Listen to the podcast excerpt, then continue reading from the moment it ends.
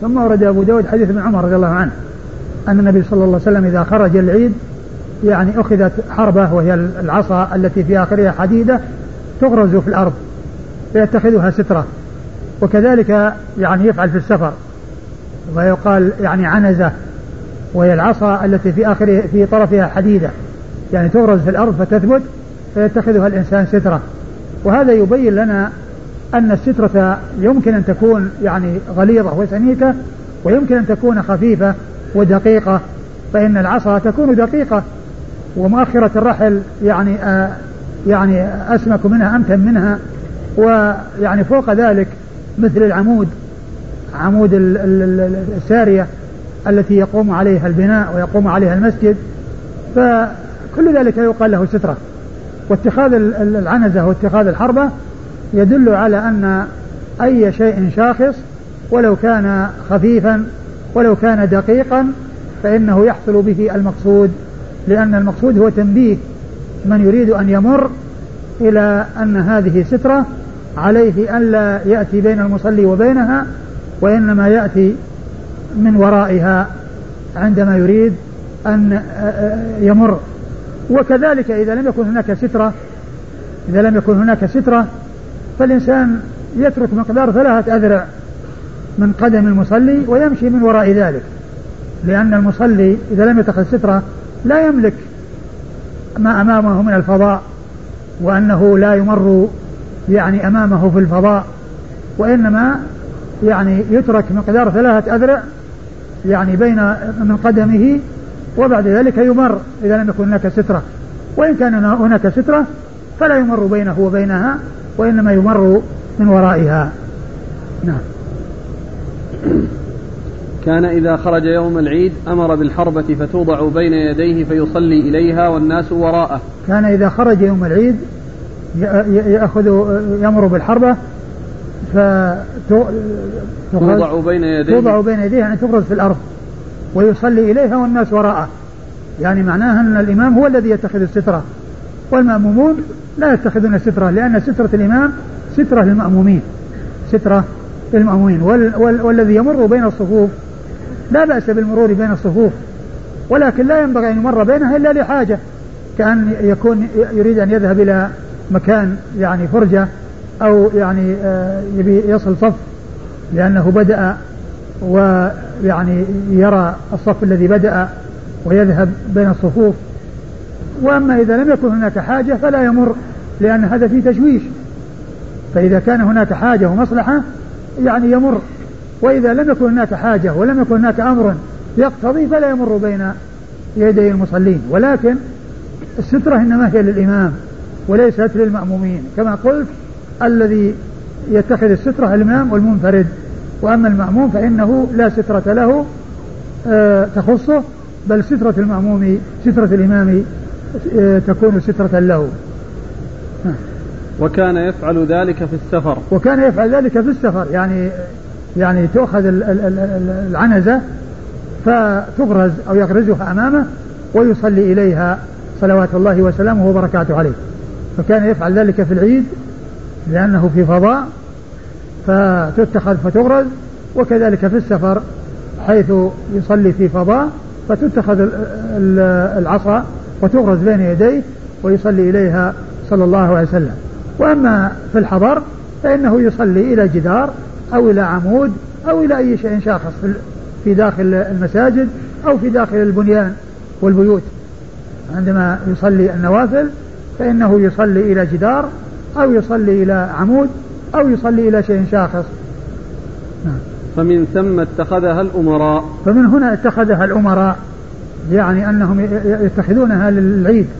عندما يريدون أن يذهبوا لصلاة العيد فإنهم يتخذون الحربة أو العنزة التي يغرزونها ويصلون إليها. الأخ يسأل ثم اتخذها حربته صلى الله عليه وسلم اتخذوها أم؟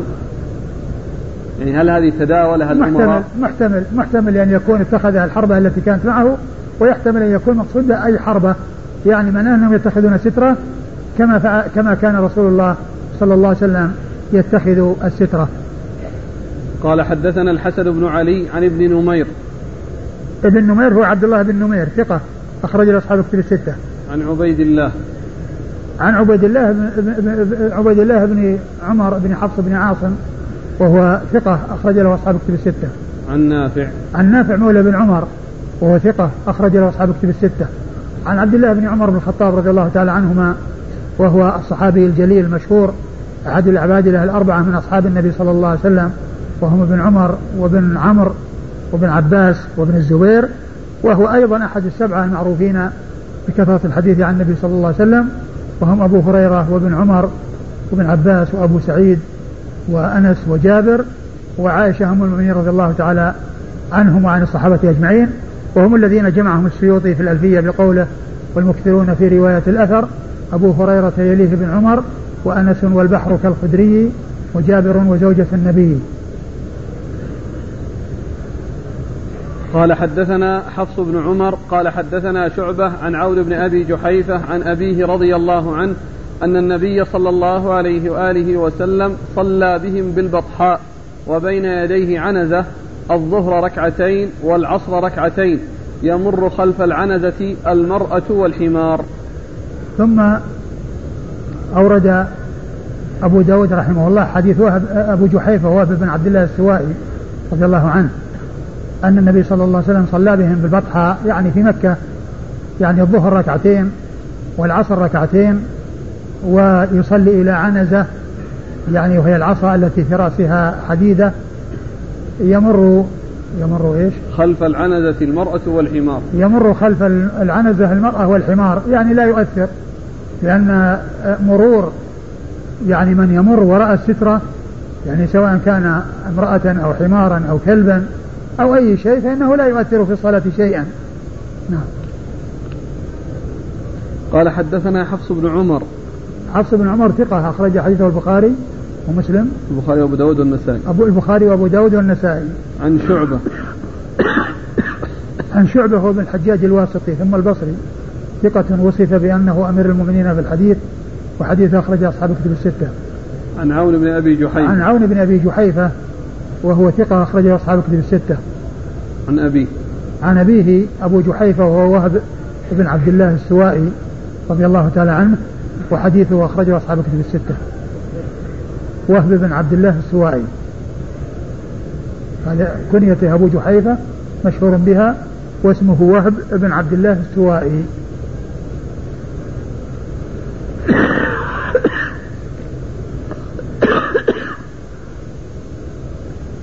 إسناد.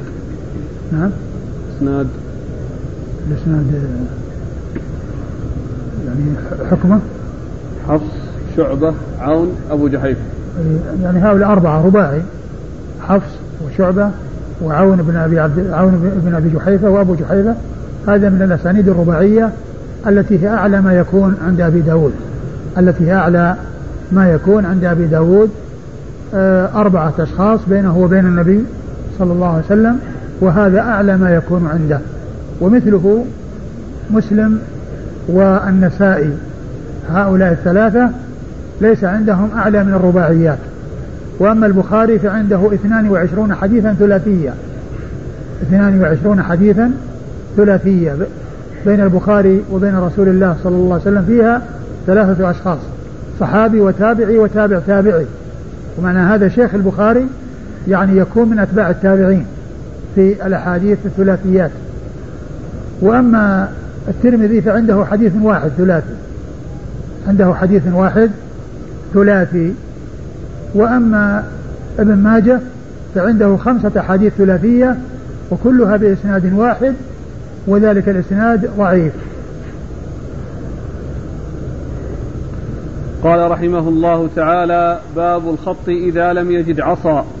قال حدثنا مسدد قال حدثنا بشر بن المفضل قال حدثنا إسماعيل بن أمية قال حدثني أبو عمرو بن محمد بن حريث أنه سمع جده حريثا يحدث عن أبي هريرة رضي الله عنه أن رسول الله صلى الله عليه وآله وسلم قال إذا صلى أحدكم فليجعل تلقاء وجهه شيئا فإن لم يجد فلينصب عصا فإن لم يكن معه عصا فليخطط خطا فليخطط خطا ثم لا يضره ما مر أمامه. ثم أورد أبو داود رحمه الله باب الخط. نعم. باب الخط إذا لم يجد عصا. باب الخط يعني في الأرض. إذا لم يجد عصا يعني يغرزها. والمقصود بالخط يعني خط يخطه بالأرض يعني حتى أن من يأتي ويرى الخط يعلم أن هذه سترة وأن المصلي جعل هذا بين يديه سترة حتى يتنبه من يراها فلا يمر بينه وبينها وإنما يمر من ورائها. يمر من وراء ذلك الخط. و وأورد أبو داود رحمه الله حديث أبي هريرة أن النبي صلى الله عليه وسلم قال يصلي أحدكم إلى شيء يستره؟ إذا صلى أحدكم فليجعل تلقاء وجهه شيئا. إذا صلى أحدكم فليجعل تلقاء وجهه شيئا يعني شيئا ثابتا كجدار أو عمود يعني آه، فإن لم يجد يعني آه، فلينصب عصا. فلينصب عصا يعني ينصبها في الأرض يغرزها بحيث تكون منتصبة قائمة بحيث يعني من يراها يعلم بأن هذه سترة المصلي. ومعنى هذا أن السترة وأن العصا تتخذ حيث لا يوجد يعني شيء يعني ثابت كالجدار وكالعمود يعني يصلي الإنسان إليه. وإن لم يعني يكن هناك شيء ثابت يجعله سترة له فلينصب عصا. فإن لم يجد فليخط خطا. يعني خطا يعني آه، معترضا. يعني على شكل يعني مدور. يعني كأنه محراب أو كأنه محراب. يعني هذا أحسن ما قيل في تفسيره. وقيل إنه يكون طولا يعني خطا خطا مستطيل. يعني بحيث يعرف من يراه أن هذه سترة. ولكن المشهور في تفسيره أنه الخط الدائري الذي يكون أمام المصلي كأنه محراب. قال إيش؟ فإن لم يكن معه عصا فليخطط خطا ثم لا يضره ما مر أمامه. ثم لا يضره ما مر أمامه يعني أمام الخط يعني وراء الخط وليس أمامه يعني بينه وبين السترة. نعم. قال حدثنا مسدد. مسدد هو بن مسرهد البصري ثقة. أخرج حديثه البخاري وأبو داود والترمذي والنسائي. عن بشر بن المفضل. بشر بن المفضل ثقة. أخرج أصحاب الكتب الستة. عن إسماعيل بن أمية. عن إسماعيل بن أمية هو ثقة أخرج له. أصحاب الكتب. ثقة أخرج أصحاب الكتب الستة. عن أبي عمرو بن محمد بن حريث. عن أبي عمرو بن محمد بن حريث وهو مجهول. أو عن مجهول نعم. مستور؟ لا مجهول. هو مجهول هو المستور. مجهول الحال. أخرج له أبو داود النسائي الترمذي أبو داود. بن ماجه. نعم. أخرج له أبو داود بن ماجه وابن ماجه. عن جده حريث وهو كذلك أيضا مجهول أخرج حديثه أبو داود وابن ماجه. عن أبي هريرة. عن أبي هريرة عبد الرحمن بن صخر الدوسي رضي الله عنه صاحب رسول الله صلى الله عليه وسلم وهو أحد السبعة المعروفين بكثرة الحديث عن النبي صلى الله عليه وسلم بل هو أكثر السبعة حديثا على الإطلاق. والحديث في إسناده رجلان مجهولان ومن أجل ذلك ضعفه بعض أهل العلم ولكن بعضهم صححه كابن حبان وكذلك حسنه الحافظ بن حجر في بلوغ المرام وكذلك صححه يعني يعني غير ابن حبان وابن حجر. ومن المعلوم أن وجود الخط يعني لا شك أن فيه تنبيه للمار بين يدي المصلي يعني بحيث يتنبه أن هذه أو هذا اتخذه سترة حيث لم يجد شيئا شاخصا حيث لم يجد شيئا شاخصا. والحافظ في بلوغ المرام لما يعني ذكره وقال إن صححه ابن حبان قال ولم يصب من قال إنه مضطرب بل هو حديث حسن بل هو حسن. وفي آه، آه، وفي عون المعبود يعني عزى تصحيحه إلى غير غير ابن حبان. نعم. فالذي يبدو ويظهر أن الإنسان عند لا عندما لم يجد يعني شيئا شاخصا يجعله أمامه كحجر كبير أو كعصا أو غير ذلك فإنه يخط خطا في الأرض ويصلي إليه. نعم.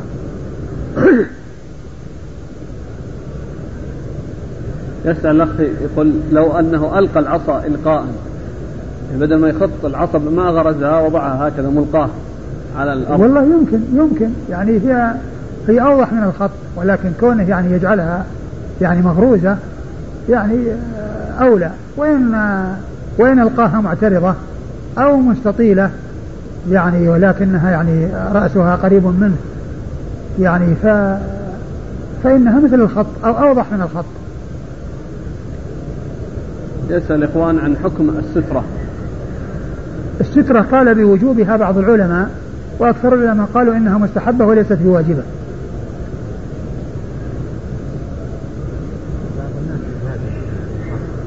ها؟ والله ما ينبغي إنه يعني يتخذ الخط إلا عند عدم وجود شيء شاخص لا ثابت ولا يعني آه يعني آه شيء متنقل كالعصا قال حدثنا محمد بن يحيى بن فارس قال حدثنا علي يعني ابن المديني عن سفيان عن إسماعيل بن أمية عن أبي محمد بن عمرو بن حريث عن جده حريث رجل من بني عذرة عن أبي هريرة رضي الله عنه عن أبي القاسم صلى الله عليه وآله وسلم أنه قال فذكر حديث الخط. قال سفيان لم نجد شيئا نشد به هذا الحديث ولم يجئ إلا من هذا الوجه. قال قلت لسفيان إنهم يختلفون فيه فتفكر ساعة ثم قال ما أحفظ إلا أبا محمد بن عمرو. قال سفيان قدم ها هنا رجل بعدما مات إسماعيل بن أمية فطلب هذا الشيخ أبا محمد حتى وجده فسأله عنه فخلط عليه.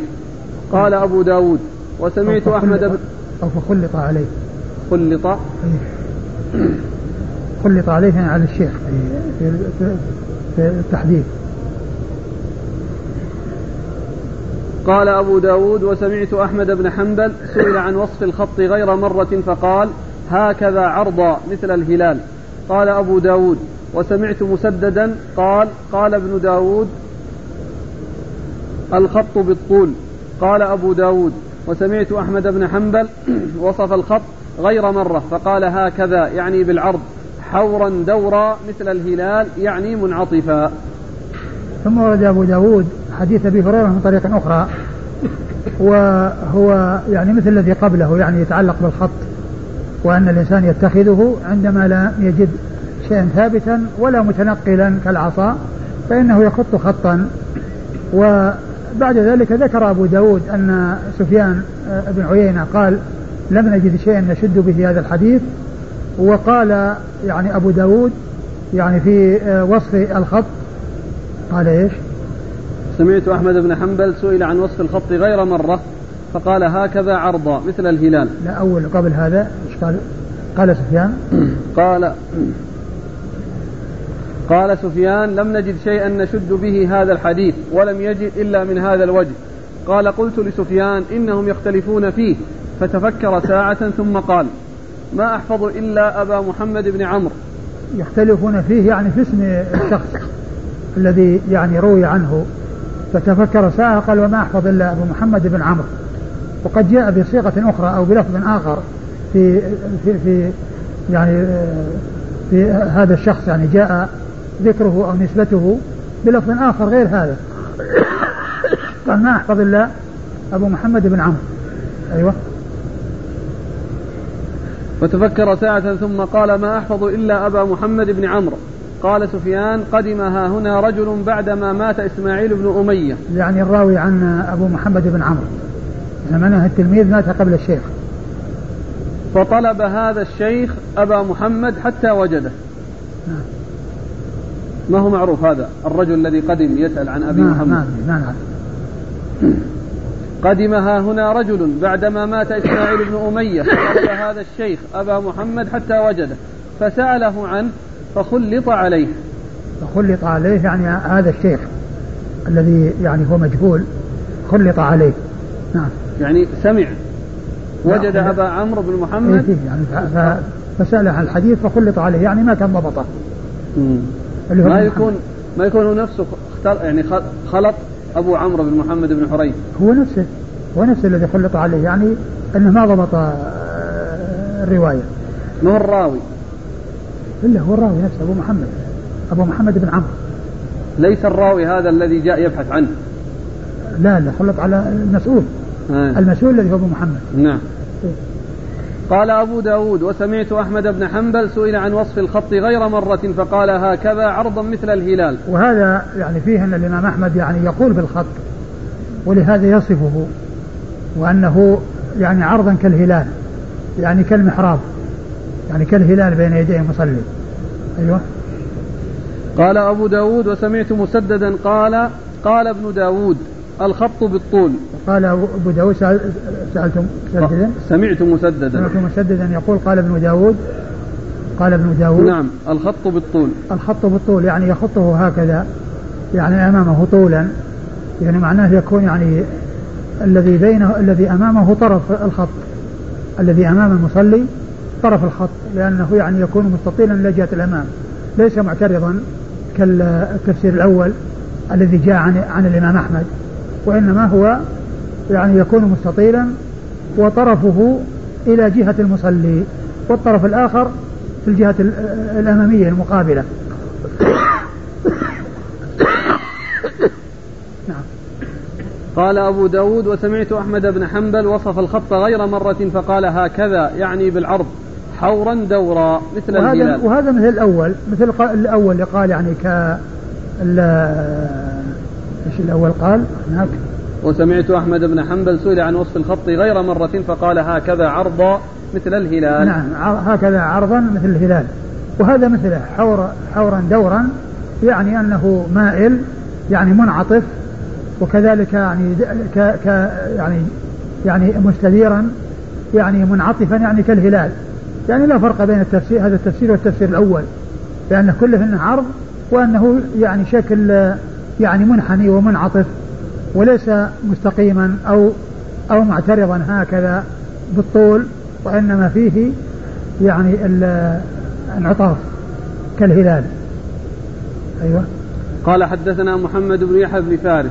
محمد بن يحيى بن فارس هو الذهلي وهو ثقة أخرج حديثه البخاري وأصحاب السنن. عن علي يعني بن المديني. عن علي عن المديني وعلي بن عبد الله بن المديني ثقة أخرج له. البخاري وأبو داود والترمذي والنسائي وابن ماجه في التفسير. البخاري وأبو داود والترمذي والنسائي وابن ماجه في التفسير. البخاري وأبو داود والنسائي وابن ماجه في التفسير. البخاري وأبو داود. البخاري وأبو داود والترمذي والنسائي وابن ماجه في التفسير. عن سفيان. عن سفيان وهو بن عيينة المكي وهو ثقة أخرجه أصحاب الكتب الستة. عن إسماعيل بن أمية عن أبي محمد بن عمرو بن حريث. إيه، وهؤلاء مر ذكرهم. بس هناك مر أبو عمرو بن محمد بن حريث. نعم هو اختلف في اسمه ولهذا قال أنهم يختلفون فيه. وقال في الأول ما أحفظ إلا أبو مع أبو أبو محمد بن عمرو. وهنا قال إيش؟ هنا قال أبو محمد بن عمرو. والإسناد المتقدم أبو عمرو بن محمد. إيه، يعني عكس. هناك هناك أبو محمد بن عمرو وهنا أبو عمرو بن محمد. يعني يختلفون في في في كنيته واسمه أو نسبته.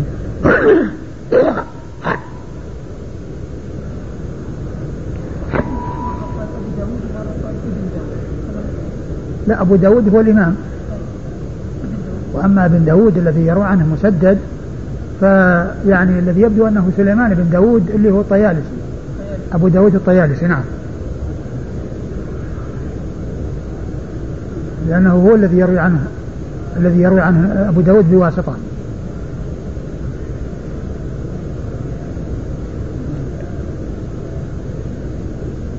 عن أبي محمد بن عمرو بن حريث عن جده حريث رجل من بني عذرة عن أبي هريرة. نعم. في إحدى النسخ ابن داود هو عبد الله بن داود الخريبي. عبد الله بن داود إيه؟ مكتوب هكذا. في إحدى النسخ في الحاشية هذه اللي حققها طيب، العوام إذا إذا لعله يعني هو أيضا عبد الله بن داود الخريبي هو من طبقة شيوخ شيوخ أبي داود. عبد الله بن داود الخريبي. إذا إذا ليس أبو داود الطيالسي وإنما هو عبد الله بن داود الخريبي. أبوه داود وذاك أيضا اللي هو أبو داود الطيالسي أبوه داود وذاك سليمان وهذا عبد الله. لكن إذا كان في بعض النسخ أن عبد الله بن داود فيكون هو هو المقصود. وعبد الله بن داود الخريبي ثقة أخرج له أصحاب الكتب الستة. وهو الذي يعني يقول الكلمة المشهورة يعني ليس هناك آية أشد على أصحاب جهم من قول الله عز وجل لأنذركم به ومن بلغ قال لأن من بلغه القرآن فكأنما سمع كلام الله من الله فكأنما سمع كلام الله من الله. يعني عبد الله بن داود الخريبي هو الذي يعني قال هذه الكلمة والتي نقلها عنه الحافظ بن حجر وأنا ذكرتها في الفوائد المنتقاه من فتح الباري.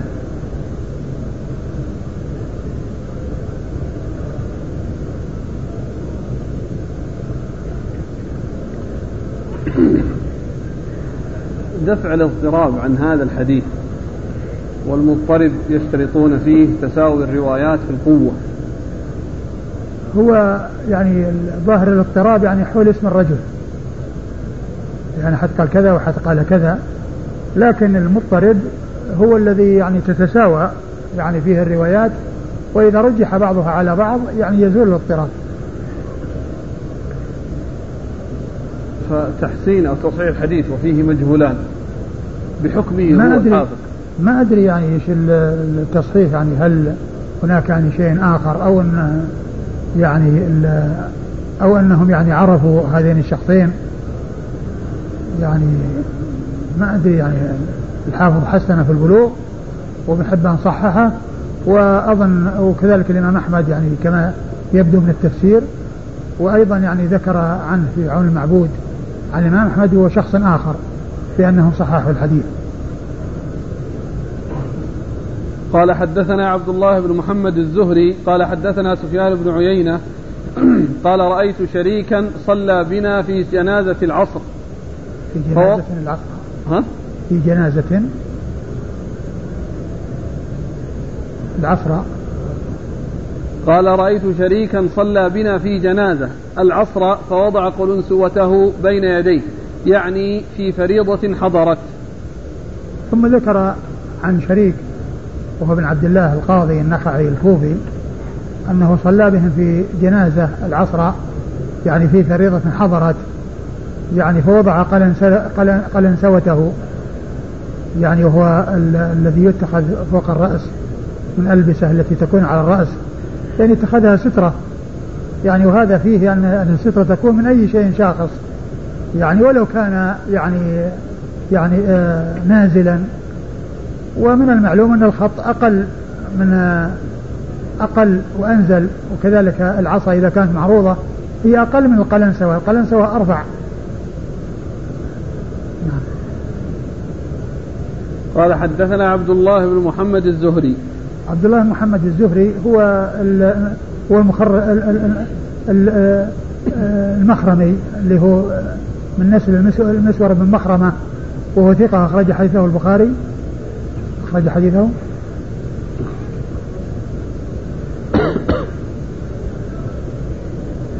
عبد الله بن محمد بن عبد الرحمن عبد الله بن محمد بن عبد الرحمن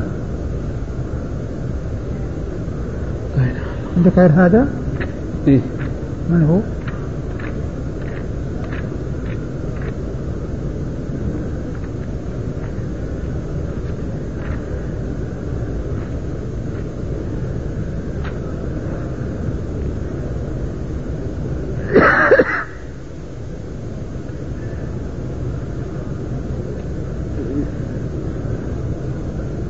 لا هذا عبد الله نعم.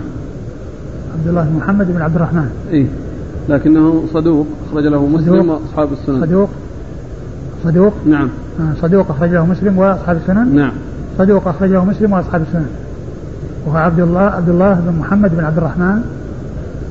إيه؟ ابن ابن المسور. نعم. ابن مخرمة. المخرمي. نعم. ها؟ أخرج هذا مسلم وأصحاب السنن عن سفيان بن عيينة عن, عن سفيان بن عيينة مر ذكره شريك وابن عبد الله النخعي الكوف القاضي صدوق آه، كثير الخطأ أخرج حديث البخاري تعليقا ومسلم وأصحاب السنن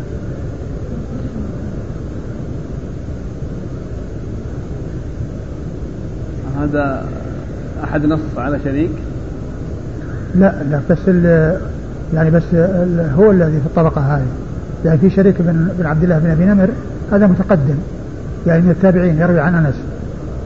وأما شريك النخعي الكوفي هو اللي متأخر. في غيره؟ لا لأنه ترجمة سفيان ما في أحد يروي عنهم اسمه شريك. ترجمة سفيان بن عيينة؟ إيه. هو طبعا. الثاني أنه تحفة الأشراف للمزي في آخر شيء المراسيل وكذا ما ذكر هذا الأهل لكن يعني فيه يعني في شخص آخر يعني لا لا ما لا هو في كتب الستة ما في إلا شريك بن عبد الله القاضي وشريك بن عبد الله بن أبي نمر. اي لا في تقريب في غير اثنين. تقريب في غير الاثنين.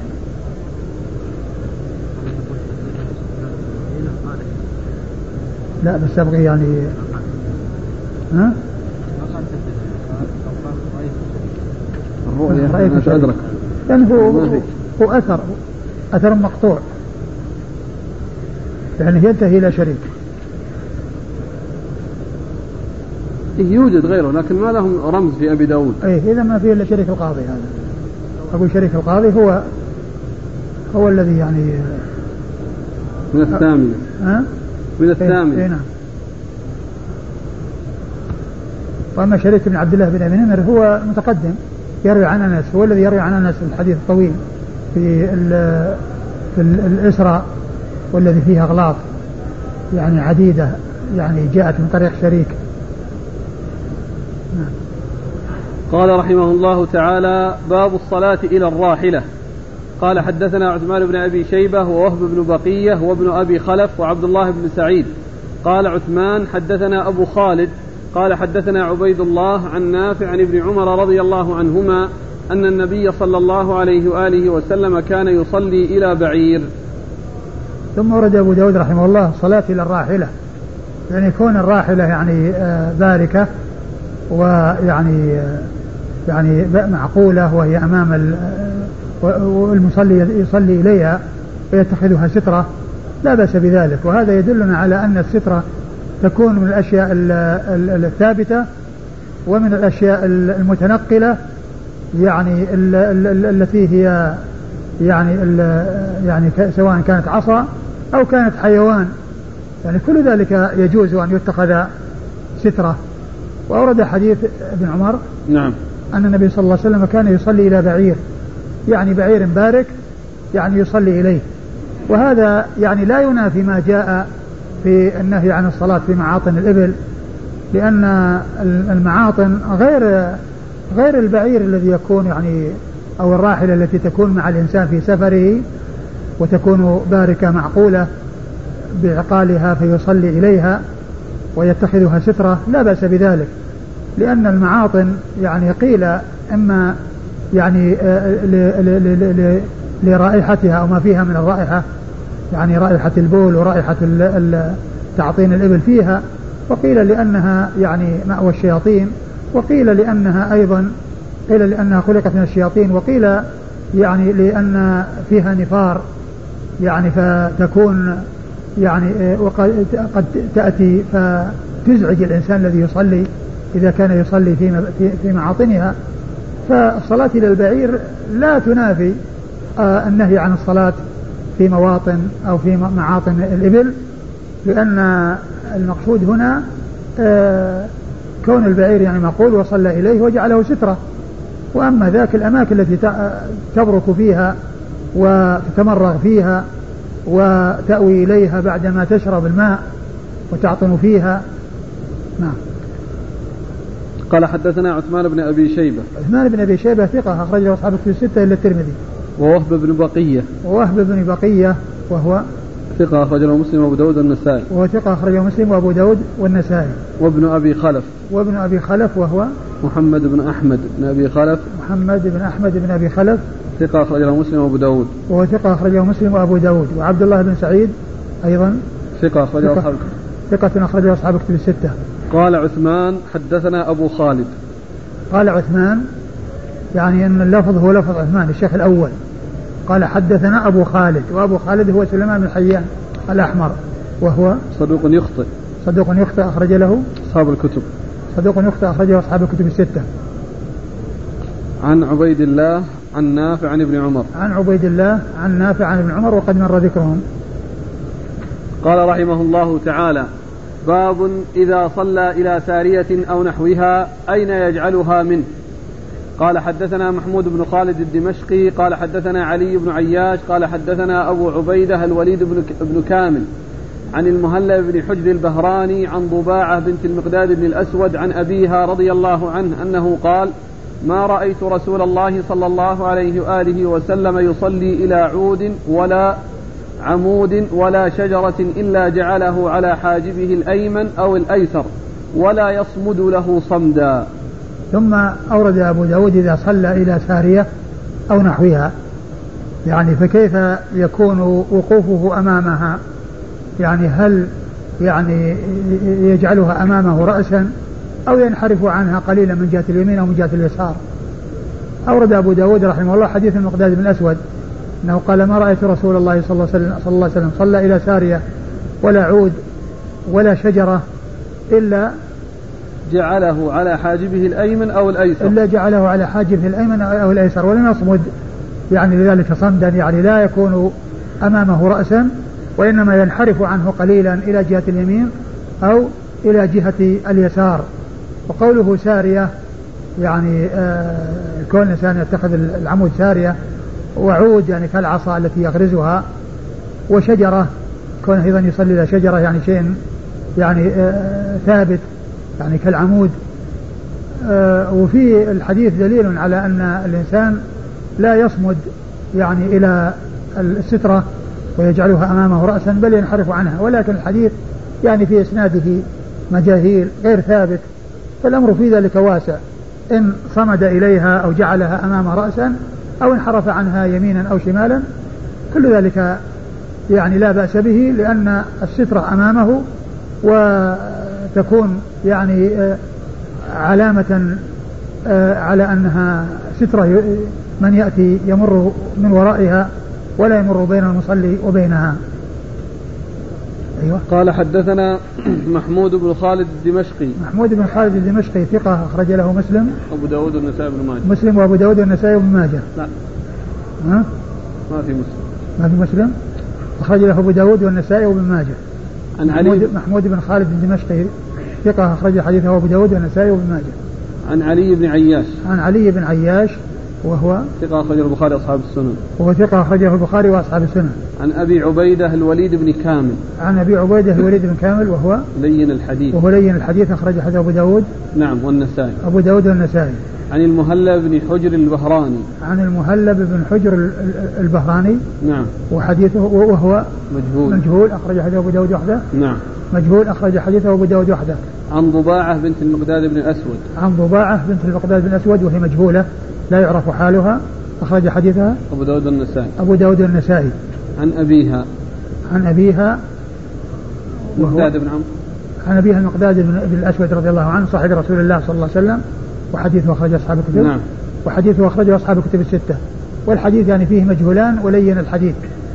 نعم. قال رحمه الله تعالى باب الصلاة إلى المتحدثين والنيام. قال حدثنا عبد الله بن مسلم القعنبي. قال حدثنا عبد الملك بن محمد بن أيمن عن عبد الله بن يعقوب بن إسحاق عمن حدثه عن محمد بن كعب القرظي أنه قال قلت له يعني لعمر بن عبد العزيز حدثني حدثني حدثني عبد الله بن عباس رضي الله عنهما أن النبي صلى الله عليه وآله وسلم قال لا تصلوا خلف النائم ولا المتحدث قال إيش؟ قال الإسناد عن محمد بن كعب القرظي آه. أنه قال قلت له آه. يعني لعمر بن عبد العزيز آه. حدثني عبد الله بن عباس رضي الله عنهما أن النبي صلى الله عليه وآله وسلم قال لا تصلوا خلف النائم ولا المتحدث ثم ترجمة شيء باب الصلاة إلى المتحدثين والنيام. باب الصلاة إلى المتحدثين والنيام.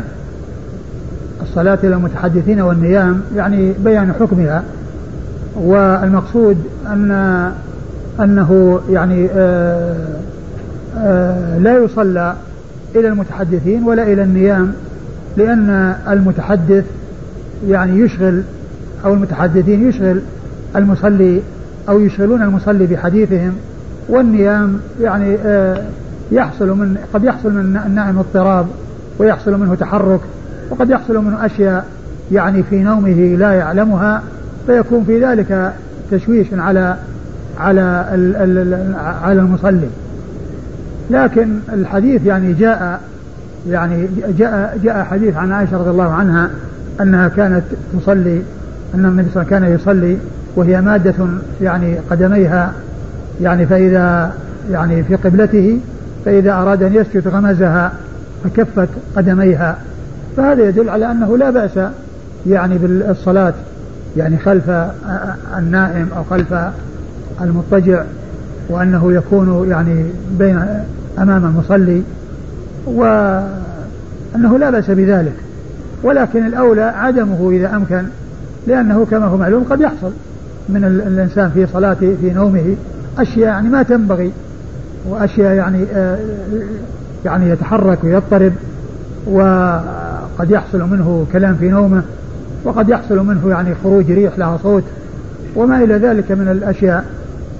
ولكن الجواز هو جائز لما جاء في قصة عائشة رضي الله عنها وأرضاها.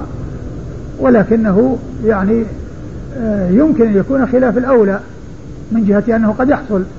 يعني هناك أشياء لا تنبغي. والمتحدث يعني يشوش على المصلي في حديثه. يشوش على المصلي يعني في حديثه. نعم. لا تصلوا خلف النائم ولا المتحدث. إيش الإسناد؟ يعني الصحابي عبد الله بن عباس. عبد الله بن عباس قال أن النبي صلى الله عليه وسلم قال لا تصلوا خلف النائم لا تصلوا خلف النائم ولا المتحدث. لا تصلوا خلف النائم ولا المتحدث. النائم يعني عرفنا يعني وجه عدم الصلاة وراءه والمتحدث أيضا كذلك. لكن بالنسبة للنائم كما عرفنا جاء حديث عائشة أنها تكون نائمة ورجلها ورجلاها في قبلته فإذا يعني والبيوت يومئذ ليس لها مصابيح فإذا سجد غمزها فكفت رجليها وإذا قام مدتهما. نعم. كذلك الصلاة إلى يعني استقبال الرجل والصلاة مثل إنسان مستدبر القبلة وجاء شخص في الصف الثاني يصلي. فأصبح يعني في الظاهر كأنه مستقبلا له. فيها نهي؟ ما نعلم ما نعلم أن شيء يمنع فيه. إذا كان ما فيه إذا كان ما في حديث ولا يتحدث ولا في كلام يعني كونه يعني جالس أمامه مستقبل القبلة أو يعني آه، مستدبر القبلة يعني ما نعلم عن شيء يمنع. قال حدثنا عبد الله بن مسلم القعنبي عبد الله بن مسلم القعنبي ثقة أخرج له أصحاب أصحاب الكتب الستة إلى ابن ماجه. عن عبد الملك بن محمد بن أيمن. عبد الملك بن محمد بن أيمن وهو مجهول أخرج أبو داود. ومجهول أخرج له أبو داود. عن عبد الله بن يعقوب بن إسحاق. عن عبد الله بن يعقوب بن إسحاق وهو مجهول الحال. وأيضا مجهول الحال أخرج له أبو داود الترمذي. أبو داود والترمذي. عن عمن حدثه عن محمد بن كعب القرظي. عمن حدثه يعني فيه ساقط يعني شخص مبهم عن محمد بن كعب القرظي وهو ثقة أخرجه أصحاب الكتب الستة. عن عبد الله بن عباس رضي الله تعالى عنهما وهو أحد العبادة الأربعة من أصحاب النبي صلى الله عليه وسلم وأحد السبعة المعروفين بكثرة الحديث عن النبي صلى الله عليه وسلم وعمر بن عبد العزيز ليس من رجال الإسناد ولكن فيه أن محمد بن كعب حدثه عن ابن عباس حدثه عن ابن عباس بهذا الحديث ففيه مجهولان وفيه مبهم يعني غير مسمى اللي هو ساقط. والحديث حسنه الألباني لكن ما أدري يعني وش وجه تحسينه إذا كان له شواهد أو يعني لكن فيما يتعلق بالنائم ورد يعني على خلافه حديث عائشة. نعم. انتهى الباب. اي نعم حديث صحيح ثم الذين يلونهم يمنة ويسرة أم من خلف؟ هذه وين؟ ثم الذين يلونهم وين هذا؟ هذاك راح أمس أي نعم أقول هذاك أمس راح مو باليوم يعني ثم الذين يلونهم يعني سواء كان يعني آه يعني معناه إنه يعني يكونون يعني من جهة اليمين من جهة اليسار مو معناه إنه يعني يكونون من جهة اليمين فقط وإنما هو الإحلام أنها وراءه وأولئك يلونهم.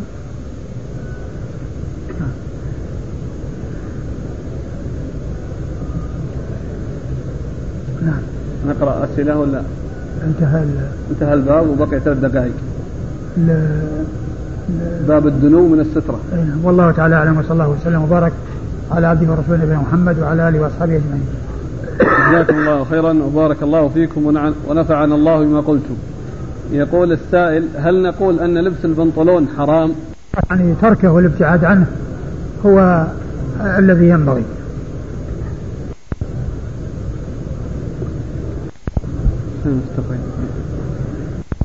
ترى سكر ذا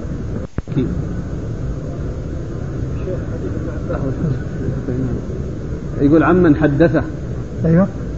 يقول يقال هو أبو المقدام هشام بن زياد. أيوه هشام بن زياد إيه أستاذ فوق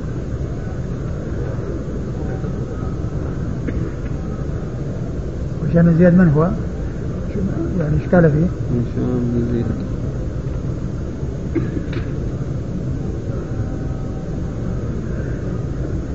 هشام بن زياد بن أبي يزيد وهو هشام وهو هشام بن أبي هشام أبو المقدام ويقال له أيضا هشام بن أبي الوليد المدني.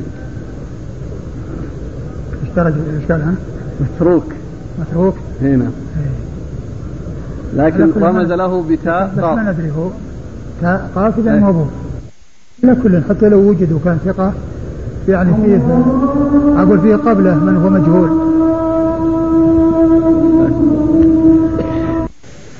بسم الله الرحمن الرحيم.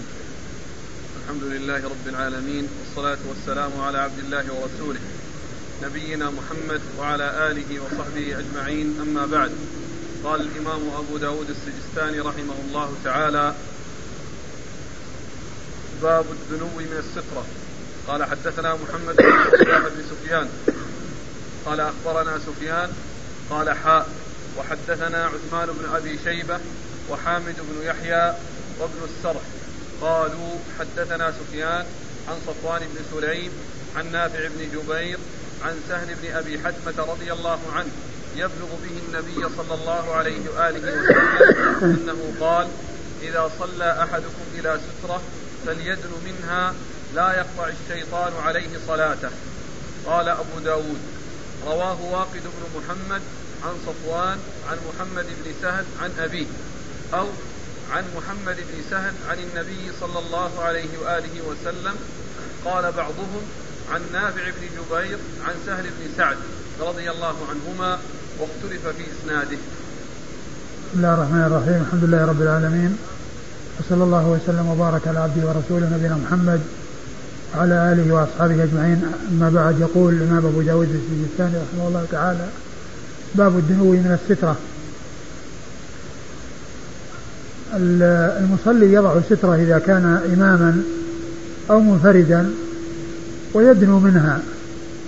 يعني لا يجعل السترة ثم يكون بينه وبينها مسافة طويلة وإنما يكون بينه وبينها مقدار سجوده. يعني بحيث إذا سجد يكون رأسه عندها.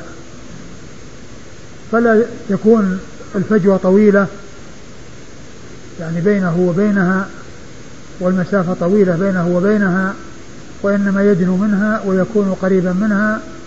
وذلك بمقدار سجوده إذا سجد بحيث تكون عند رأسه بحيث تكون عند رأسه إذا سجد. هذا هو الدنو من السترة بحيث أنه إذا سجد يكون رأسه عندها. فلا يكون بينه يعني بين رأسه في حال سجوده وبينها مسافة بل تكون السترة عند رأسه إذا كان ساجدا. فهذا هو الدنو من السترة وذلك أن الإنسان إذا دنا من السترة يعني حصل المقصود منها. بخلاف ما إذا كانت بعيدة. فليس له ذلك ولا يحجز المسافة الطويلة في السترة. وإنما يكون قريبا منها. وقد أورد أبو داود رحمه الله حديث من؟ سهل بن أبي حديث سهل بن أبي حتمة رضي الله عنه. أن النبي صلى الله عليه وسلم قال إذا صلى أحدكم إلى سترة فليدن منها. إذا صلى أحدكم إلى سترة فليدن منها ولا لا يقطع الشيطان عليه صلاته. لا يقطع الشيطان عليه صلاته. لا يقطع الشيطان عليه صلاته. يعني بمعنى أنه يحصل له تشويش. يعني آه، بسبب يعني عدم وجود السترة أو بسبب وجود المسافة الطويلة يعني بينها أو بينه وبينها. فهذا فيه الدلالة على الدنو من السترة وأن الإنسان يكون قريبا منها لا يكون بعيدا منها. الإسناد؟ قال حدثنا محمد بن الصباح بن سفيان. محمد بن الصباح بن سفيان وهو صدوق أخرج أبو داود بن ماجه وهو صدوق أخرج حديث أبو داود بن ماجه. عن سفيان. عن سفيان وهو بن عيينة ثقة أخرج له أصحاب كتب الستة. قال حاء وحدثنا عثمان بن أبي شيبة. ثم قال حاء وحدثنا عثمان بن أبي شيبة. حال التحول من إسناد إلى إسناد.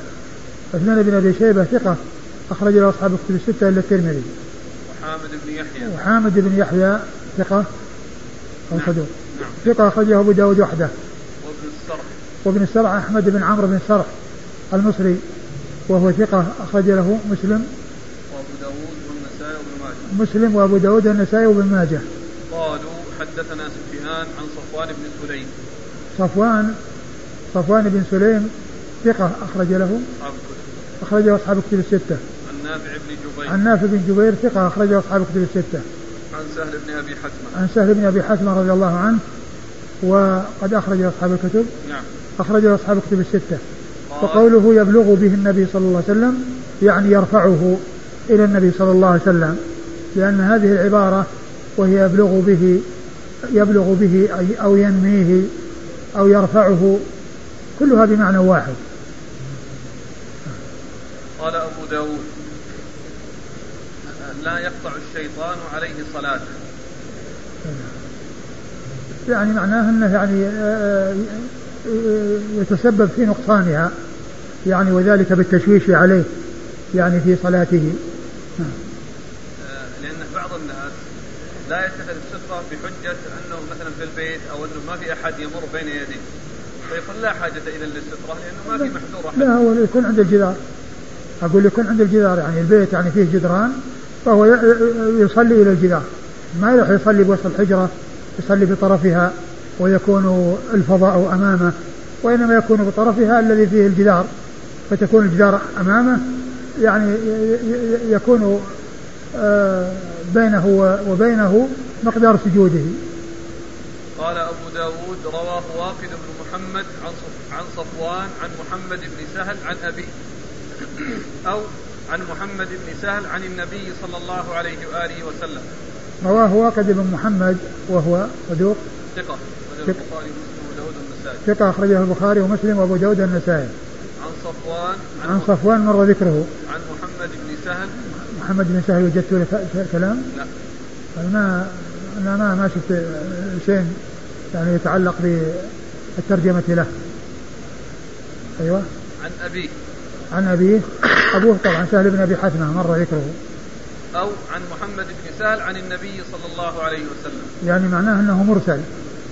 يعني ليس بينه وبينه ليس أباه أو ليس أبوه بينه وبين الرسول صلى الله عليه وسلم وإنما يرسله إلى رسول الله صلى الله عليه وسلم.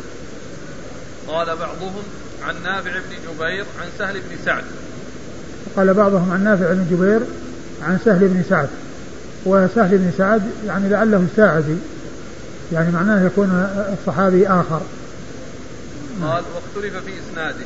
واختلف في إسناده يعني هذا الكلام الذي مر هو من الاختلاف في إسناده ولكن ذلك لا يؤثر فإن الحديث ثابت يعني الذي هو الدنو من السترة يعني وكل الانسان يدنو منها ثابت ولا يؤثر هذا الاختلاف في الإسناد.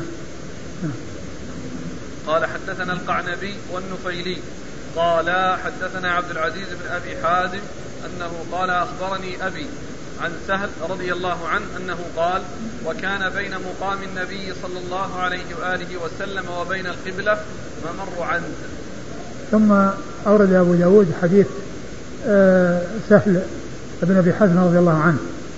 يعني قال وكان بي وكان بين ممر النبي وكان بين هذا حديث سهل بن سعد. حديث سهل بن سعد؟ نعم. حديث سهل بن سعد رضي الله تعالى عنه. يقول كان بين مقام النبي صلى الله عليه وسلم وبين القبلة ممر عنز يعني كان بين النبي صلى الله عليه وسلم وبين القبلة يعني وبين السترة. يعني ممر عنز يعني معناه أنه يعني مقدارا بسيط. يعني على قدر يعني سجوده. وهذا فيه إشارة إلى الدنو من السترة. يعني كونه ما بينه وبين القبلة أي السترة إلا ممر عنه يعني معناه أنه قريب منها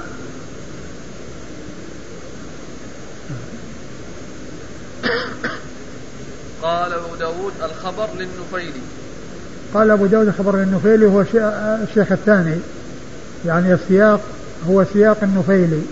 وهو شيخه الثاني لأن شيخه الأول القعنبي وشيخه الثاني النفيلي. والخبر أي سياقه للنفيلي أي للشيخ الثاني. يعني ليس هذا سياق شيخه الأول وإنما هو سياق شيخه الثاني الذي هو النفيلي. قال حدثنا القعنبي. القعنبي عبد الله بن مسلمة بن قعنب القعنبي ثقة أخرجه أصحاب الكتب الستة إلا ابن ماجه. والنفيلي. والنفيلي هو عبد الله بن محمد النفيلي ثقة أخرجه البخاري وأصحاب السنن. عن عبد العزيز بن أبي حازم. عن عبد العزيز بن أبي حازم وهو ثقة أخرج أصحاب صدوق. أخرج أصحاب الكتب. نعم. صدوق أخرج أصحاب الكتب الستة. عن أبيه سلمة بن دينار أبو حازم وهو ثقة أخرجه أصحاب الكتب الستة. عن سهل. عن سهل بن سعد رضي الله عنه سهل بن سعد الساعدي رضي الله عنه وحديثه أخرج أصحاب الكتب الستة. قال رحمه الله تعالى باب ما يؤمر المصلي أن يدرأ عن الم... عن الممر بين يديه. قال حدثنا القعنبي عن مالك عن زيد بن أسلم عن عبد الرحمن بن أبي سعيد الخدري عن أبي سعيد الخدري رضي الله عنه أن رسول الله صلى الله عليه وآله وسلم قال إذا كان أحدكم يصلي فلا يدع أحدا يمر بين يديه وليدرأه ما استطاع فإن أبى فليقاتله فإنما هو شيطان. ثم أورد أبو داود هذه الترجمة وهي باب ما يدرأ المصلي ما ما يؤمر به المصلي من؟ ما يؤمر المصلي أن يدرأ عن الممر بين يديه. ما يؤمر ما يؤمر به المصلي أن يدرأ عن الممر بين يديه. يعني ما يؤمر به المصلي من الدرء من المرور بين يديه بحيث يدرأ من مر بين يديه يعني معناه أنه يمنعه ويحول بينه وبين المرور بأن يكون بينه وبين السترة. أما إذا كان من وراء السترة فإن له ذلك. وقد عرفنا فيما مضى أن الرسول صلى الله عليه وسلم يصلي إلى السترة وأنه يعني يمر من ورائها يعني آه، من يمر. فالممنوع هو المرور بينه وبين سترته. أما المرور من وراء السترة فهذا لا بأس به ولا مانع منه. أورد أبو داود حديث أبي سعيد. حديث أبي سعيد الخدري رضي الله عنه قال إذا صلى أحدكم نعم إذا كان أحدكم يصلي فلا يدع أحدا يمر بين يديه. إذا كان أحدكم يصلي فلا يدع فلا يدع أحد يمر بين يديه وليدرأه ما استطاع. يعني يمنعه يعني بالتي هي أحسن يعني ما استطاع. لأنه قد يكون غافلا وقد يكون يعني آه يعني آه غير آه قد يكون يعني ساهيا أو غافلا. فإذا وضع وضع الإنسان يده يتنبه. وبدون ذلك قد يكون يعني لاهي أو ساهي فيمشي لا يعني ينتبه. ولكنه إذا مد الإنسان يده له تنبه فيبتعد عن المرور بين يدي المصلي فهو يدرأه ما استطاع يعني بأسهل شيء وذلك بأن يمد يده. حتى يعني يتنبه. فإن أبى فليقاتله فإنما هو شيطان.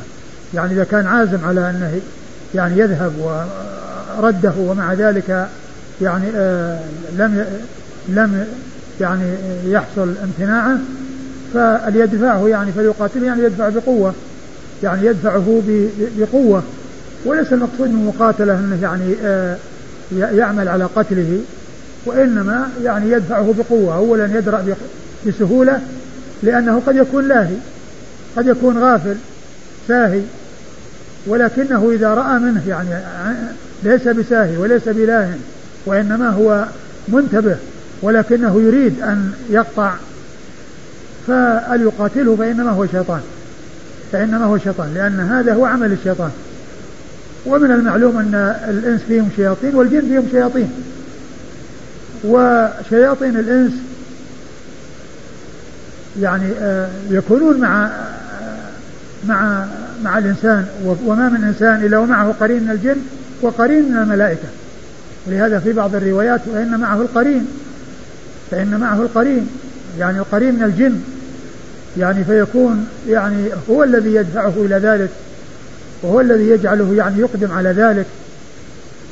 فإذا آه، آه، آه، المرور بين يدي المصلي أو المنع منع المصلي من يمر بين يديه أولا بالتي هي أحسن وذلك بأن يمد يده حتى ينبهه لئلا يكون غافلا فيتذكر ويتنبه فإن رآه غير غافل ولا لاه ولكنه عازم على أن يمر بين يديه فإنه يدفعه بقوة وبشدة. وعلل ذلك رسول الله صلى الله عليه وسلم فقال فإنه شيطان يعني فإنه شيطان. يعني هذا الذي يعني أقدم وحصل منه المخالفة وحصل منه الإصرار على ارتكاب الأمر المحرم هو شيطان. فإما أن يكون مقصود أنه شيطان من شياطين الإنس أو أنه يعني آه، معه القرين الذي هو القرين من الجن والذي آه، يدفعه ويسول له يعني الأمر المنكر ويراقبه في الأمر المنكر حتى يقدم عليه وحتى لا يحصل منه الابتعاد عن ما لا ينبغي نعم قال حدثنا القعنبي عن مالك مالك هو ابن أنس إمام دار الهجرة الإمام المشهور أحد أصحاب المذاهب الأربعة المشهورة من مذاهب أهل السنة وحديثه اخرج أصحاب الكتب الستة. عن زيد بن أسلم. عن زيد بن أسلم ثقة أخرجه أصحاب الكتب الستة. عن عبد الرحمن بن أبي سعيد. عن عبد الرحمن بن أبي سعيد وهو ثقة أخرج له. تعليقا البخاري تعليقا ومسلم وأصحاب السنن. عن أبي سعيد. عن أبي سعيد سعد بن مالك ابن سنان الخدري آه، صحابي مشهور مشهور بنسبته وكنيته بكنية أبي سعيد ونسبته الخدري وهو أحد السبعة المعروفين بكثرة الحديث عن النبي صلى الله عليه وسلم إذا كان أحدكم يصلي فلا يدع أحدا يمر بين يديه سواء اتخذ سترة أو والله هذا لفظه يعني يقتضي يقتضي أنه يعني لا يدع أحد يمر بين يديه. يعني سواء كان له سترة أو ما له سترة. فلا يدع أحدا ذكر أو أنثى صغير أو كبير. مطلقا مطلقا يعني أي شيء. يعني ما يستأذن على الأطفال حتى الطفل حتى الأطفال نعم. حتى الحيوانات. قال حدثنا محمد بن العلاء قال حدثنا أبو خالد عن عن ابن عجلان عن زيد بن أسلم عن عبد الرحمن بن أبي سعيد عن أبيه رضي الله عنه أنه قال قال رسول الله صلى الله عليه وآله وسلم إذا صلى أحدكم فليصلي إلى سترة وليدن منها ثم ساق معناه ثم ورد الحديث حديث أبي سعيد من طريق أخرى وهو مثل ما تقدم فيه الدنو من السترة وأن الإنسان يصلي إلى سترة ومع ذلك يدنو من السترة لا يكون بعيدا منها. قال حدثنا محمد بن العلاء. محمد بن العلاء بن كريب أبو كريب ثقة أخرج له أصحاب كتب الستة. عن أبي خالد. عن أبي خالد وهو سليمان بن حيان الأحمر وهو صدوق. نعم صدوق يخطئ صدوق يخطئ أخرج له. صدوق يخطئ أخرج له أصحاب كتب الستة. عن ابن عجلان. عن ابن عجلان محمد بن عجلان المدني وهو صدوق أخرج حديثه البخاري تعليقا ومسلم وأصحاب السنن. زيد بن أسلم عن عبد الرحمن بن أبي سعيد عن أبيه. إيه، وقد مر ذكر الثلاثة. فليصلي إلى سترة. فليصلي إلى سترة نعم. أمر. نعم أمر. وبعض أهل العلم قال إنه الوجوب وبعضهم أنه قال أنه قال للاستحباب. وذلك أنه جاء في بعض الروايات أنه صلى إلى غير جدار. قال حدثنا أحمد بن سريج الرازي. أحمد بن أبي سريج. قال حدثنا أحمد بن أبي سريج الرازي ثم أخبرنا أبو أحمد الزبيري قال أخبرنا مسرة بن معبد اللخمي قال لقيته بالكوفة. قال حدثني أبو عبيد حاجب حاجب حاجب سليمان. قال رأيت عطاء بن يزيد الليثي قائما يصلي فذهبت أمر بين يديه فردني ثم قال حدثني أبو سعيد الخدري رضي الله عنه أن رسول الله صلى الله عليه وآله وسلم قال من استطاع منكم ألا يحول بينه وبين قبلته أحد فليفعل. ثم ورد أبو داود حديث أبي سعيد الخدري رضي الله عنه أن النبي صلى الله عليه وسلم قال من استطاع منكم ألا يحول بينه وبين قبلة أحد فليفعل. يعني معناه أنه يمنع من يمر بينه وبين القبلة بينه وبين السترة يعني بينه وبين سترته. نعم.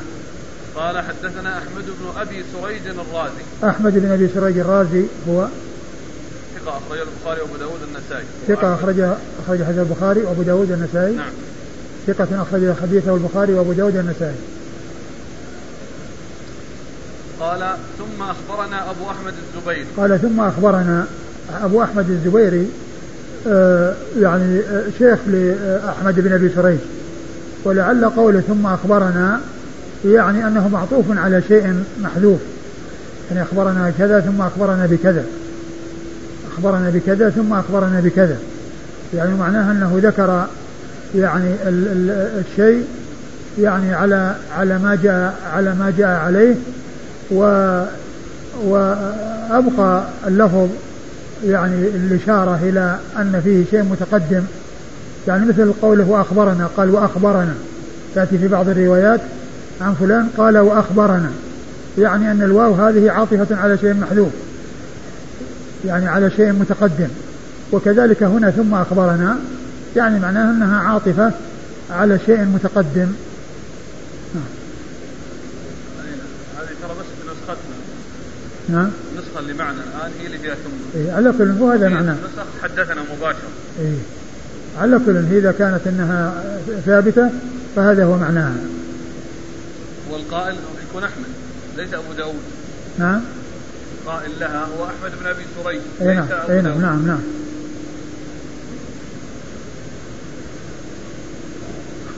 أبو أحمد الزبيري. أبو أحمد الزبيري محمد بن عبد الله بن الزبير. ثقة أخرجه أصحاب الكتب الستة. عن مسرة بن معبد اللخمي. عن مسرة بن معبد اللحمي وهو صدوق له أوهام أخرج له أبو داود. صدوق له أوهام أخرج حديثه أبو داود.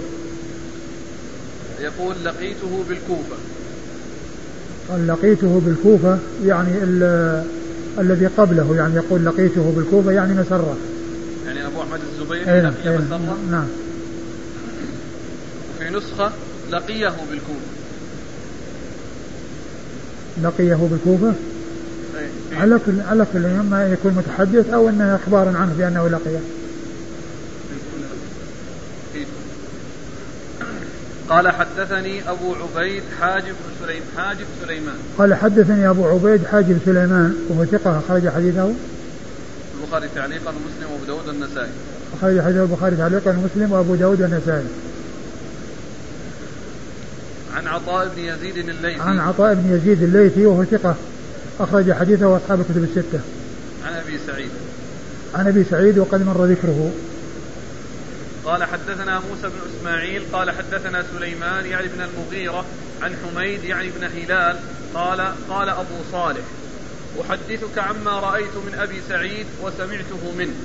دخل أبو سعيد رضي الله عنه على مروان فقال سمعت رسول الله صلى الله عليه وآله وسلم يقول إذا صلى أحدكم إلى شيء يستره من الناس فأراد أحد أن يجتاز بين يديه فليدفع في نحره.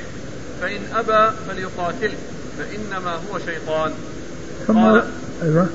قال أبو داود قال سفيان الثوري يمر الرجل يتبختر بين يدي وأنا أصلي فأمنعه ويمر الضعيف فلا أمنعه. ثم ورد أبو داود حديث آه، أبي سعيد الخدري رضي الله تعالى عنه وهو مثل الذي قبله أنه يعني يدفع وإن أبى فيعني فليقاتله هنا تمام. نعم. إذا صلى أحدكم إلى شيء يستره من الناس فأراد أحد أن يجتاز بين يديه فليدفع في نحره فليدفع في نحره فإن أبى فليقاتل فإن أبى فليقاتله فانما هو شيطان يعني مثل ما تقدم قول سفيان قول سفيان غريب لأن لفظ الحديث عام يعني في النهي عن المرور ودرء المار يعني لا فرق بين يعني متبختر وبين وبين ضعيف. لا فرق بين قوي وضعيف. وإنما الإنسان يعني يمنع الجميع. بل يمنع الصغار ويمنع الحيوانات.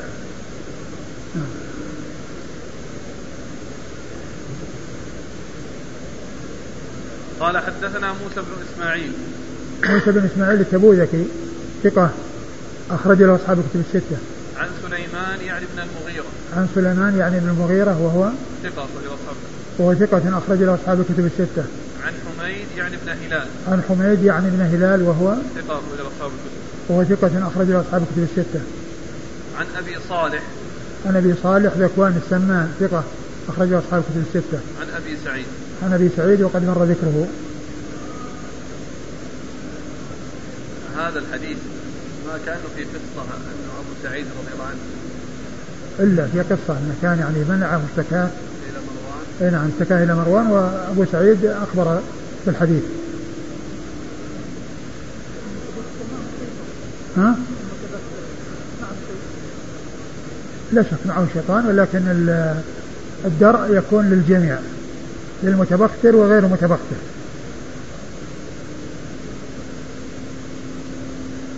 قال رحمه الله تعالى باب ما ينهى عنه من المرور بين يدي المصلي. قال حدثنا القعنبي عن مالك عن أبي النضر مولى عمر بن عبيد الله عن بسر بن سعيد أن زيد بن خالد الجهني أرسله إلى أبي جهيم رضي الله عنهما يسأل ماذا سمع من رسول الله صلى الله عليه وآله وسلم في المار بين يدي المصلي؟ فقال أبو جهيم قال رسول الله صلى الله عليه وآله وسلم لو يعلم المار بين يدي المصلي ماذا عليه لكان أن يقف أربعين خير له من أن يمر بين يديه. ثم ورد أبو داود هذه الترجمة وهي باب ما ينهى عنه من المرور بين يدي المصلي. نعم. باب ما ينهى عنه من المرور بين يدي المصلي. يعني ما ينهى عنه المار لأن الأحاديث التي تقدمت هي مع المصلي وأنه يدرأ ويمنع. وأما هذا نهي للمار وأن أنه لا يجوز له أن يمر وبيان خطورة ذلك وأنه لو يعلم ماذا عليه يعني من الإثم لكان أن يقف أربعين خير له من أن يمر بين يدي المصلي. ومعنى ذلك أنه لو يعلم المار ماذا عليه من الإثم لكان وقوفه ينتظر يعني هذا الذي يصلي يفرغ من صلاته يعني آه لكان وقوفه مدة طويلة. خير له من أن يمر بين يدي المصلي. وأربعين هذه جاء قيل قال أربعين خريفا أو أربعين. قال أبو النضر لا أدري. قال أربعين يوما أو شهرا أو سنة. قال لا أدري. أربعين يعني آه يوما يوما أو شهرا أو سنة. أو شهرا أو سنة. يعني أربعين سنة أو أربعين شهر أو أربعين يوم. وكل ذلك صعب. حتى حتى لو كان أربعين دقيقة. لو كان أربعين دقيقة كان يكون واجب يقف هذه المدة يعني لا شك أنها يعني كثيرة. يعني في حق إنسان يريد أن يتجاوز. ويعني كونه يعني يقف مدة طويلة يكون خير له من أن يمر بين يدي المصلي. لأن المرور يعني خطير وفيه إثم عظيم على الإنسان المار. فيعني أبهم يعني هذا ولكنه مهما يكون من شيء ولو كان يوما يعني ليس شهرا ولا سنة يعني معنى ذلك أنه شيء كبير وأنه شيء عظيم وأن وقوفه يعني هذه المدة أسهل عليه من المرور يعني معناه في خطورة المرور.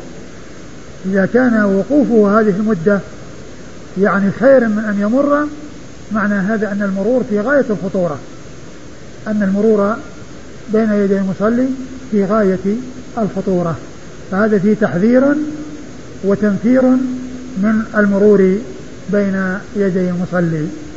نعم. ما أدري.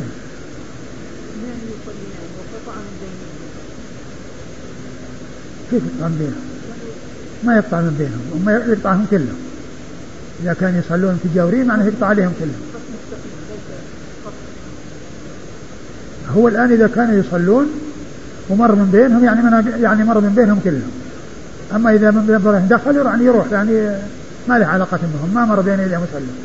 وإنما دخل بين مصليين واستمر إلى جهة الأمام فما مر بين يدي مصلي. ولكنه مر بين مصلي مصليين بحيث أنه تجاوز يعني بينهما ولم يمر بينهما. هذا ما في مرور قال حدثنا القعنبي عن مالك عن أبي النضر مولى عمر بن عبيد الله. أبو النضر أبو النضر مولى هو سلمان وهو ثقة أخرج له. ها؟ سالم. سالم نعم. سالم أخرج له أصحاب الكتب الستة. عن بصر بن سعيد. عن بشر بن سعيد وهو ثقة نعم. أخرج أصحاب الكتب. نعم. ثقة أخرج أصحاب الكتب الستة. عن زيد بن خ... آه نعم. عن زيد بن خالد؟ لا. لا. أن زيد بن خالد أرسله إلى أبي جهيم.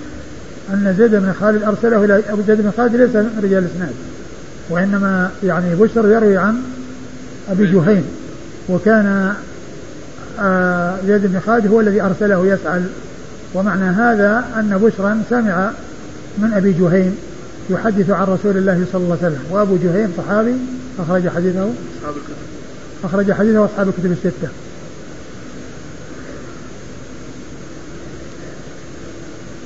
قال رحمه الله تعالى باب ما يقطع الصلاة. والله تعالى أعلم وصلى الله وسلم وبارك على عبده ورسوله نبينا محمد وعلى آله وأصحابه أجمعين. جزاكم الله خيرا وبارك الله فيكم ونفعنا الله بما قلتم.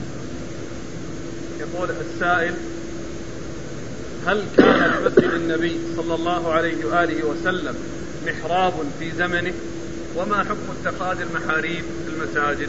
ما نعلم أن الرسول صلى الله عليه وسلم اتخذ محرابا. ولكن السلف اتخذوها وفيها فائدة وهي علامة ال ال ال علامة القبلة واتجاه القبلة وكذلك يعني آه، مكان الإمام يعني بحيث الناس يعني آه، يعني يبدأون منه من جهة اليمين ومن جهة الشمال. السلف اتخذوا هذا ولا بأس بذلك ما حكم محاذاة صفوف المرأة لصفوف الرجال ويفصل بينهما ساتر ما في بأس إذا كان بينهما جدار و أو ساتر والنساء صلينا في المكان الخاص بهن وكنا يعني آه، الرجال من وراء الساتر يعني بجوارهن لا بأس بذلك لا مانع منه. ما في محذور لأنه ما في مصافة ما في مصافة للنساء. النساء مستقلات بالمكان الخاص بهن والرجال مستقلون بالمكان الخاص بهن. المكان الخاص بهم. ما توجيهكم لمن درس العلوم المادية في المدارس أو الجامعات التي يكون فيها اختلاط؟ لا يجوز للإنسان أن يدرس في المدارس التي فيها اختلاط. اللهم إلا إذا كان مضطرا إلى ذلك فإنه يبتعد عن النساء لأن الرجل يمكن أن يبتعد عن النساء. وأما المرأة لا يجوز لها ذلك لأنها لا تستطيع أن تبتعد. لأن الرجال هم أنفسهم يعني يعني يقربون منها ويتصلون بها ويعني يؤذونها. بخلاف الرجل فإنه يبتعد عن المرأة. الرجل يبتعد عن المرأة. فإذا كان هناك مندوحة بمعنى أنه يعني يمكن أن يدرس من غير أن يكون هناك اختلاط لا شك أن هذا خير. وإن لم يكن هناك إلا الاختلاط فإنه يدرس ولكن يبتعد عن النساء. بخلاف المرأة فإنه لا يجوز لها أن تدرس مع الاختلاط لأنها لا تستطيع أن تتخلص من الرجال ولا تستطيع أن تبتعد عن الرجال لأن يعني آه، آه، السيئين من الرجال يعني يضايقونها ويتصلون بها ويقربون منها ويؤذونها ويعملون معها ما لا ينبغي أن يعمل. ففرق بين الرجل والمرأة. الرجل إذا وجد مندوحة عن دراسة فيها اختلاط يفعل يبتعد وإن لم يجد مندوحة يعني درس ولكنه يبتعد وبإمكان الرجل يبتعد عن المرأة. أما المرأة فلا يجوز لها ذلك. ولا تدرس في دراسة فيها اختلاط لأن الرجال يعني يقربون من النساء ويأتون النساء. ويؤذون النساء ويعاكسون النساء. ما حكم أخذ أقوال بعض المنحرفين عن المنهج السلفي لتأييد بعض المسائل في الدين؟ لا حاجة إلى كون الإنسان يعني يذهب أو يبحث عن أقوال من عندهم انحراف فيكفيه آه، أقوال الذين لا انحراف عندهم ويكفيه ما جاء من النصوص. إذا كانت المسألة فيها نصوص يعني فالمعول عليه النصوص. ولا حاجة إلى يعني ذكر أقوال من عنده من عندهم انحراف لا سيما إذا كانوا من أهل البدع. يعني آه، آه، الذين لا لا يعتدوا بمخالفتهم في الإجماع. ووجود خلافهم مثل عدمه. يعني لا يلتفت إلى إلى مثل هؤلاء. وإنما يعول على كلام أهل العلم الذين هم آه على منهج السلف وعلى طريقة السلف سواء كانوا من المحدثين أو من الفقهاء كما قال الطحاوي في عقيدة أهل السنة والجماعة وعلماء السلف من السابقين ومن بعدهم من اللاحقين أهل الخبر والأثر وأهل الفقه والنظر لا يذكرون إلا بالجميل ومن ذكرهم بسوء فهو على غير السبيل.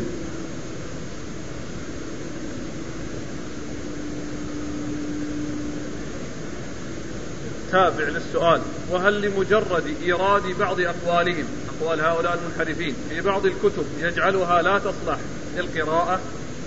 لا ما يقال أنها لا تصلح للقراءة ولكن يعني يكون آه، الكتب التي تعنى بذكر أقوال العلماء المحققين وأقوال العلماء اللي فيهم سلامة وفيهم يعني آه، يعني وهم مرجع يعني في العلم ومراجع في العلم لا شك أن هذه الكتب أولى من غيرها ولكن لا يقال أنها لا تصلح.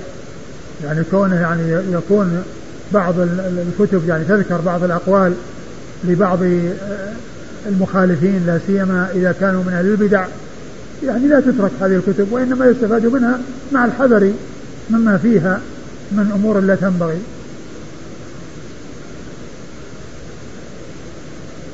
هل يجب في صوم يوم عاشوراء؟ تحقيق المخالفة لليهود فيه وذلك بصوم يوم التاسع معه أم أن هذه المخالفة مستحبة؟ وهل يمكن أن تحصل المخالفة بصوم يوم بعده؟ أم أنه يقتصر على ما ورد في الحديث لئن بقيت إلى قابل لأصومن التاسع؟ والله لا شك أن صيام التاسع والعاشر هو الذي ينبغي ولكن إذا لم يفعل الإنسان العاشر فإن المخالفة تكون بأن يضيف إلى العاشر يوما بعده. بأن يضيف إلى اليوم العاشر يوما بعده وبذلك تحصل المخالفة. لكن كون الإنسان يعني يقصد التاسع مع العاشر هذا هو الذي يتفق مع النص وهذا هو الذي آه، عزم عليه الرسول صلى الله عليه وسلم. يقول إذا كانت سترة, سترة المصلي رجل جالس ثم قام الرجل وأصبحت المسافة بين المصلي والسترة بعيدة فما هي المسافة المشروعة للمصلي أن يمشيها ليدنو من السترة؟ إذا كان قريب يعني خطوتين أو ما إلى ذلك يعني والسترة قريبة منه يعني يخطو وإلا فإنه يبقى ولكن يعني آه، آه، لا يجوز أن يمر يعني دون ثلاثة أذرع يعني بينه وبين آه، من قدمه.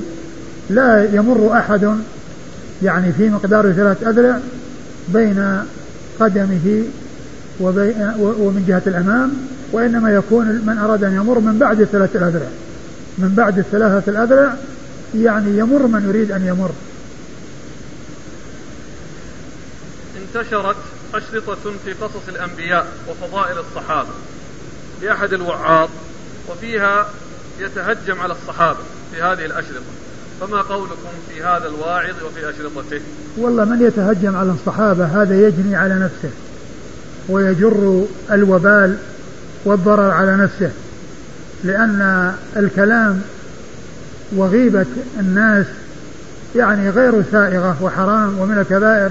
فكيف إذا كانت لأصحاب رسول الله صلى الله عليه وسلم الذين هم خير الناس والذين يعني الذين جعلهم الله واسطة بين الناس وبين رسول الله صلى الله عليه وسلم ما عرف الناس كتابا وسنة إلا عن طريق الصحابة وما عرفوا الهدى وما عرفوا النور الذي أخرج الله به الناس من الظلمات إلى النور إلا عن طريق الصحابة.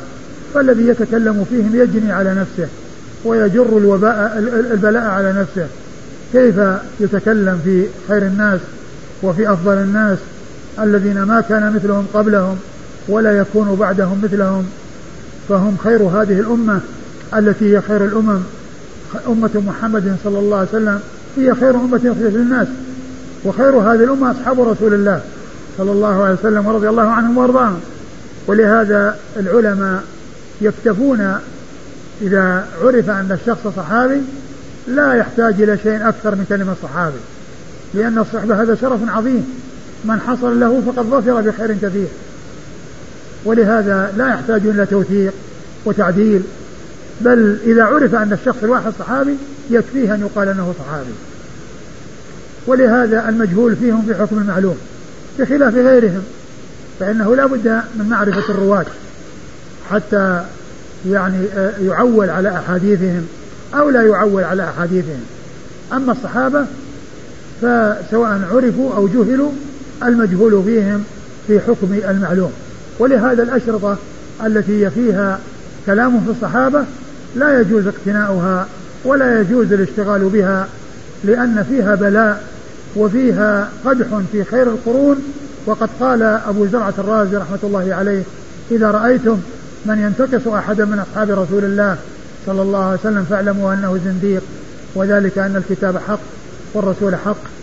وإنما أدى إلينا الكتاب والسنة أصحاب رسول الله صلى الله عليه وسلم وهؤلاء يريدون أن يجرحوا شهودنا ليبطلوا الكتاب والسنة والجرح بهم أولى وهم زنادقة. مع أشرطة التي خصصها في الفتنة بين علي رضي الله عنه ومعاوية أنا أقول الشخص الذي كلامه غير غير سليم لا يجوز يعني الاشتغال بكلامه ولا الالتفات لكلامه. لأن أهل السنة والجماعة طريقتهم أن تكون ألسنتهم سليمة وقلوبهم سليمة. يقول شيخ الإسلام ابن تيمية رحمه الله في الواسطية العقيدة الواسطية ومن أصول أهل السنة والجماعة سلامة قلوبهم وألسنتهم لأصحاب رسول الله صلى الله عليه وسلم. هذه من أصول السنة وأهل السنة والجماعة. القلوب سليمة والألسنة سليمة. القلوب سليمة من الغل والحقد والغيظ والألسنة سليمة من القدح والذم والشتم والعيب. ولهذا الله عز وجل لما ذكر في آية سورة الحشر ثلاث آيات. آية في المهاجرين وآية في الأنصار وآية في الذين يجون بعدهم مستغفرين لهم سائلين الله لا يجعل في قلوبهم غلا لهم. والذين جاءوا من بعدهم يعني من بعد المهاجرين والأنصار يقول ربنا اغفر لنا ولإخواننا سبقنا بنا. هذه سلامة القلوب سلامة الألسنة. الألسنة سليمة نظيفة ما تذكرهم إلا بخير ولا تتحرك إلا بالثناء عليهم والدعاء لهم. والذين جاءوا من بعدهم يقولون ربنا اغفر لنا ولإخواننا الذين سبقونا بالإيمان. ولا تجعل في قلوبنا غلا للذين آمنوا. سلامة القلوب من الغل والحقد والغيظ. فهذه هذا هذا هو أصول أهل السنة والجماعة. ويقول الطحاوي في عقيدة أهل السنة والجماعة ونحب أصحاب رسول الله صلى الله عليه وسلم ولا نفرط في حبهم نحب فلا نبغض ومع حبنا لا نتجاوز الحدود. فقوله ونحب أصحاب رسول الله صلى الله عليه وسلم هذا يخرج طرف الجفاء وجانب الجفاء. فنحن نحب فلسنا مبغضين لسنا جفاة بل نحن محبون. ولما كان الحب ينقسم إلى قسمين حب باعتدال وحب بغلو وإفراط قال ولا نفرط في حبهم. إذا خرج الطرفان المذمومان طرف الإفراط وطرف التفريط طرف الغلو وطرف الجفاء. ثم قال و و ونحب أصحاب رسول الله صلى الله عليه وسلم ولا نفرط في حبهم ونبغض من يبغضهم وبغير الخير يذكرهم. من ذكرهم بغير الخير نحن نبغضه من ذكرهم بسوء نحن نبغضه. قال وحبهم دين وإيمان وإحسان وبغضهم كفر ونفاق وطغيان. لأنهم هم الذين جاءوا بالدين. ما عرفنا الدين إلا عن طريق الصحابة. فحبهم دين وإيمان. لأن الإيمان والدين ما عرف إلا عن طريق الصحابة. والحق ما عرف إلا عن طريق الصحابة. والنور الذي أنزله الله على رسوله فآمنوا بالله ورسوله والنور الذي أنزلنا ما عرفه الناس إلا عن طريق الصحابة. رضي الله تعالى عنهم وأرضاهم. فلا يعني يلتفت إلى الكلام الذي فيه نيل من الصحابة. ولهذا قال شارح الطحاوية قال والفتن التي كانت في أيامه أي أيام أمير المؤمنين علي رضي الله عنه قد صان الله منها أيدينا. لأن ما كنا في زمانهم حتى يكون لنا دخل أو حتى نشارك قد صان الله منها أيدينا فنسأله أن يصون عنها ألسنتنا. يعني هذا الذي بقي معنى الألسنة. الأيدي سلمت لأنها ما وجدت في ذلك الزمان حتى تشارك وحتى يكون لها دخل. فنسأله أن يصون عنها ألسنتنا. هذه طريقة أهل السنة والجماعة. ما هو الإنسان يعني يفتح فاه ويحرك شفتيه ويحرك لسانه في أصحاب الرسول صلى الله عليه وسلم. سائر الناس ما يتكلم الإنسان فيهم.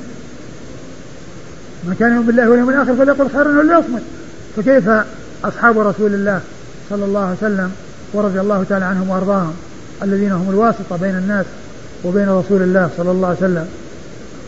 بئس. أقول بئس يعني الإنسان يعني لا مانع عنده أن يسب الصحابة بس لا يسمع.